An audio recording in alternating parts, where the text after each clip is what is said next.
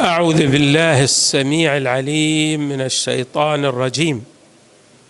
بسم الله الرحمن الرحيم والحمد لله رب العالمين والصلاة والسلام على أشرف الخلق سيدنا ونبينا محمد وآله أجمعين الطيبين الطاهرين. السائلة تقول ما هي العوامل التي من خلالها أستطيع أن أحقق أعلى درجات العفاف في شخصيتي؟ هذا السؤال في الحقيقة لا يختص بالمرأة. العفاف هو يعني عنصر مشترك وبالتالي العفاف كما ينبغي أن تكون المرأة عفيفة أيضا ينبغي أن يكون الرجل عفيفا. بل هناك تأكيد في الروايات على أهمية العفة للرجل. في الرواية عفوا تعف نساؤكم. بمعنى أن من عوامل الإسهام للعفة لدى المرأة العفاف الذي يتصف به الرجل. ومع ذلك سنذكر بعض العوامل التي تصلح ترسيخ أعلى درجات العفاف كما تقول السائلة في نفس المؤمن والمؤمنة للرجل والمرأة هذه العوامل ينبغي الالتفات إليها. قبل أن نبين العوامل العفاف أو العفة بكسر العين في اللغة العفة بمعنى الكف عما لا ينبغي. نقول فلان عنده عفة عن الشيء الفلاني يعني كف نفسه عن ذلك الشيء. وقال الراغب الإصفهاني في مفردات اللغة في تعريفه للعفة هي حصول حالة للنفس تمتنع بها النفس عن غلبة الشهوة. والمتعفف هو المتعاطي لذلك يعني لتلك الحالة في نفسه التي تتغلب بها نفسه على الشهوات. طيب ويقول إن ذلك يحتاج إلى نوع من الجهد أو الجهد يتأتى بضرب من الممارسة والقهر والاستعفاف. هكذا يقول الراغب في مفردات اللغة. أما إذا عرفنا أن العفه بمعنى كف النفس عن الشهوات أو عن الميل إلى ما يؤدي إلى الانحراف. هذه العفة من الناحية اللغوية. بمعنى أن الإنسان يحفظ نفسه ويجعل النفس سائرة في الصراط السوي والمستقيم المؤدي به إلى رضوان الله تبارك وتعالى. هذه العفة. طيب كيف أحقق أعلى درجات العفة؟ هناك عوامل. من أهم هذه العوامل استشعار مراقبة الله للعبد والذي نعبر عنه بالخوف من الله ويعبر عنه القرآن الكريم الخوف من مقام الله وأما من خاف مقام ربه ونهى النفس عن الهوى فإن الجنة هي المأوى. الخوف من الله تبارك وتعالى هذا يحقق للإنسان درجة عالية من الوقوع في المآثم والمعاصي وحري بالمؤمن التقي أن يحقق هذا العامل لدى ذاته في نفسه ألا وهو الخوف من الله. جميع ما يقترفه الإنسان له آثار. كل عمل يقوم به الإنسان له آثار. والذنوب لها آثار وخيمة جدا. وحري بالإنسان أن يخاف من الله تبارك وتعالى لئلا يرتب عليه آثار تلك الذنوب الوخيمة. فتؤثر سلبا ليس على شخصيته فقط بل أيضا على شخصية من يمت له بصلة وشيجة وقريبة جدا. مثلا نقرأ في الروايات من زنى زني. زني بماذا؟ بأهله بأقاربه. وقد يكون هذا الأثر يمتد إلى أحفاده والعياذ بالله. فالإنسان الذي يطلب الستر لعائلته والمرأة التي تطلب الستر لبناتها في المستقبل ولأبنائها حري بها أن تتصف بالعفاف. والرجل الذي يطلب الستر لأولاده ولبناته ولزوجته حري به أن يكون عفيفا. لا ينظر إلى الحرام.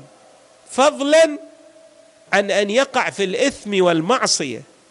فاذا من أهم العوامل للإنسان التي تحقق له درجة عالية من العفاف الخوف من الله. الخوف من الله. المؤمن يخاف من الله تبارك وتعالى. هذا العامل الأول. العامل الثاني من الضروري أن يحقق في نفسه تقوى الله تبارك وتعالى. نحن الآن ذكرنا عاملا يندرج في تقوى الله وهو الخوف من الله. الخوف هو يعني جزء من التقوى. ولكن نؤكد على التقوى بشكل عام. التقوى معناها السير في الصراط العبودي لله تبارك وتعالى. أن يجدك الله تبارك وتعالى حيث أمرك. وأن تنتهي عن المناهي الإلهية. يفقدك حيث نهاك. لا يجدك تقترف المآثم والمعاصي. من الأهمية بمكان. أي أن يكون من يريد أن يحقق العفاف في شخصيته أكان رجلا أم امرأة؟ كما أسلفنا. عليه أن يتقي الله تبارك وتعالى. تقوى الله. كما يعبر الإمام أمير المؤمنين عليه السلام. مفتاح سداد. مفتاح. للسداد. يعني أينما تريد أن تكون ماذا مسددا فعليك بتقوى الله. مفتاح سداد. بعد وذخيرة معاد. وعتق من كل ملكة. ما يملك الشهوات ما تملكك يقول أمير المؤمنين. ونجاة من كل هلكة. ما تقع في المعاطب. بسبب وجود التقوى التي تشكل الحصانه الكبيره لشخصيتك. حري بك أيها المؤمن وحري بك أختي المؤمنة أن تحقق التقوى في شخصيتك. وأخي المؤمن أن تحقق التقوى في شخصيتك. الإسلام يحضنا على تقوى الله. والقرآن أيضا يشير في أكثر من آية إلى هذا المعنى منها قوله تعالى إن للمتقين مفازا. ما معنى مفاز؟ فوز. الإنسان المتقي دائما يحقق ظفرا نجاحا فوزا. اينما سلك؟ في المسالك المتعددة والمختلفة فنهاية المطاف بالنسبة لهذا المتقي هي الفوز والنجاة لأنه سار على تقوى الله تبارك وتعالى. ومن يتق الله يجعل له مخرجا. نعم. اذا من العوامل الهامة أن يحقق الإنسان تقوى الله ومعناها السير في صراط العبودية. لله تبارك وتعالى وهو وقاية من سخط الله. ولذلك نقول ما معنى التقوى؟ يعني أن تضع حاجزا بينك وبين السخط الإلهي. تأتي بما أوجبه الله عليك وتنتهي عما نهاك الله عنه. هذا عامل جد هام. أيضا من العوامل أن الإنسان إذا أحس بنفسه أنه يقترب من تسويلات الشيطان. تسويلات الشيطان قد تؤثر عليه لجلبه إلى شرك الشيطان إلى المعصية. ماذا يعمل؟ يلتجئ إلى الله. إن الذين آمنوا إذا مسهم طائف من الشيطان تذكروا فإذا هم مبصرون. تصير عنده بصيرة. تذكر يلتجئ إلى الله. ومن أعظم التذكرات أو التذكير للنفس أن يلتجئ الإنسان إلى الله. يعني يلتفت إلى إحاطة قدرة الله تعالى به وهيمنة القدرة المطلقة عليه. فيستعيذ بالله. يقول أعوذ بالله من الشيطان الرجيم. فإذا استعاذ بالله الله تبارك وتعالى بكرمه وبواسع نعمه. ماذا؟ يجعل عليه سياجا سترا من الوقوع في شرك الشيطان من الوقوع في المعاصي. من التأثر بهذه التسويلات للنفس وللشيطان. ولذلك نشوف هذا المعنى عندما جاء ذلك الملك إلى السيدة مريم عليها السلام فتمثل لها بشرا سوية كما يعبر القرآن. يقول فاتخذت من دونهم حجابا فأرسلنا إليها روحنا فتمثل لها بشرا سويا. ماذا قالت؟ قالت إني أعوذ بالرحمن منك إن كنت تقيا. اذا الاستعاذة لها التأثير الفاعل في الأماكن التي يخاف الإنسان فيها على نفسه كما إذا دخل في السوق. أو في المولات هذه العامة أو مر على هذه الطرق التي يقترف فيها الإثم والعياذ بالله. عليه أن يستعيذ يلتجئ إلى الله تبارك وتعالى. وهذا أيضا ما يفعله الأولياء والصالحون الأتقياء عندما يتعرضون لبعض الهزاهز يجأرون إلى الله ويلتجئون إليه. ضارعين. والله تبارك وتعالى ينجيهم من الكيد. نقرأ مثلا في قصة الصديق يوسف عليه السلام. قال رب السجن أحب إلي مما يدعونني إليه. وإلا تصرف عني كيدهن أصب إليهن وأكن من الجاهلين. يعني يوسف التجأ إلى مو التجأ إلى قدرته التجأ إلى القدرة الإلهية. قال له إذا ما تصرف عني هذا السوء أنا بحولي وقوتي ما عندي حول وقوه إلا بك. إنسان ضعيف. لولا اللجوء إلى القدرة الإلهية العظيمة. وفي آية أخرى في نفس هذا القصص القرآني الرائع الذي جاء في هذه السورة المباركة. لما قالت وقيل وقالت هيت لك. قال معاذ الله. قال معاذ الله. يعني استعاذ بالله. تبارك وتعالى التجأ إلى الله. إنه ربي أحسن مثواي. ثم ذكر أمرا غاية في الأهمية وهو ذكرى لكل عبد شكور. قال إنه لا يفلح الظالمون. هذا الذي يعتدي ويخالف القانون الإلهي لن ينال الفلاح من عند الله تبارك وتعالى. وأيضا على هذه المرأة السائلة وعلى غيرها من الأخوات المؤمنات أن يلتفتن إلى الأهمية الفائقة للحجاب.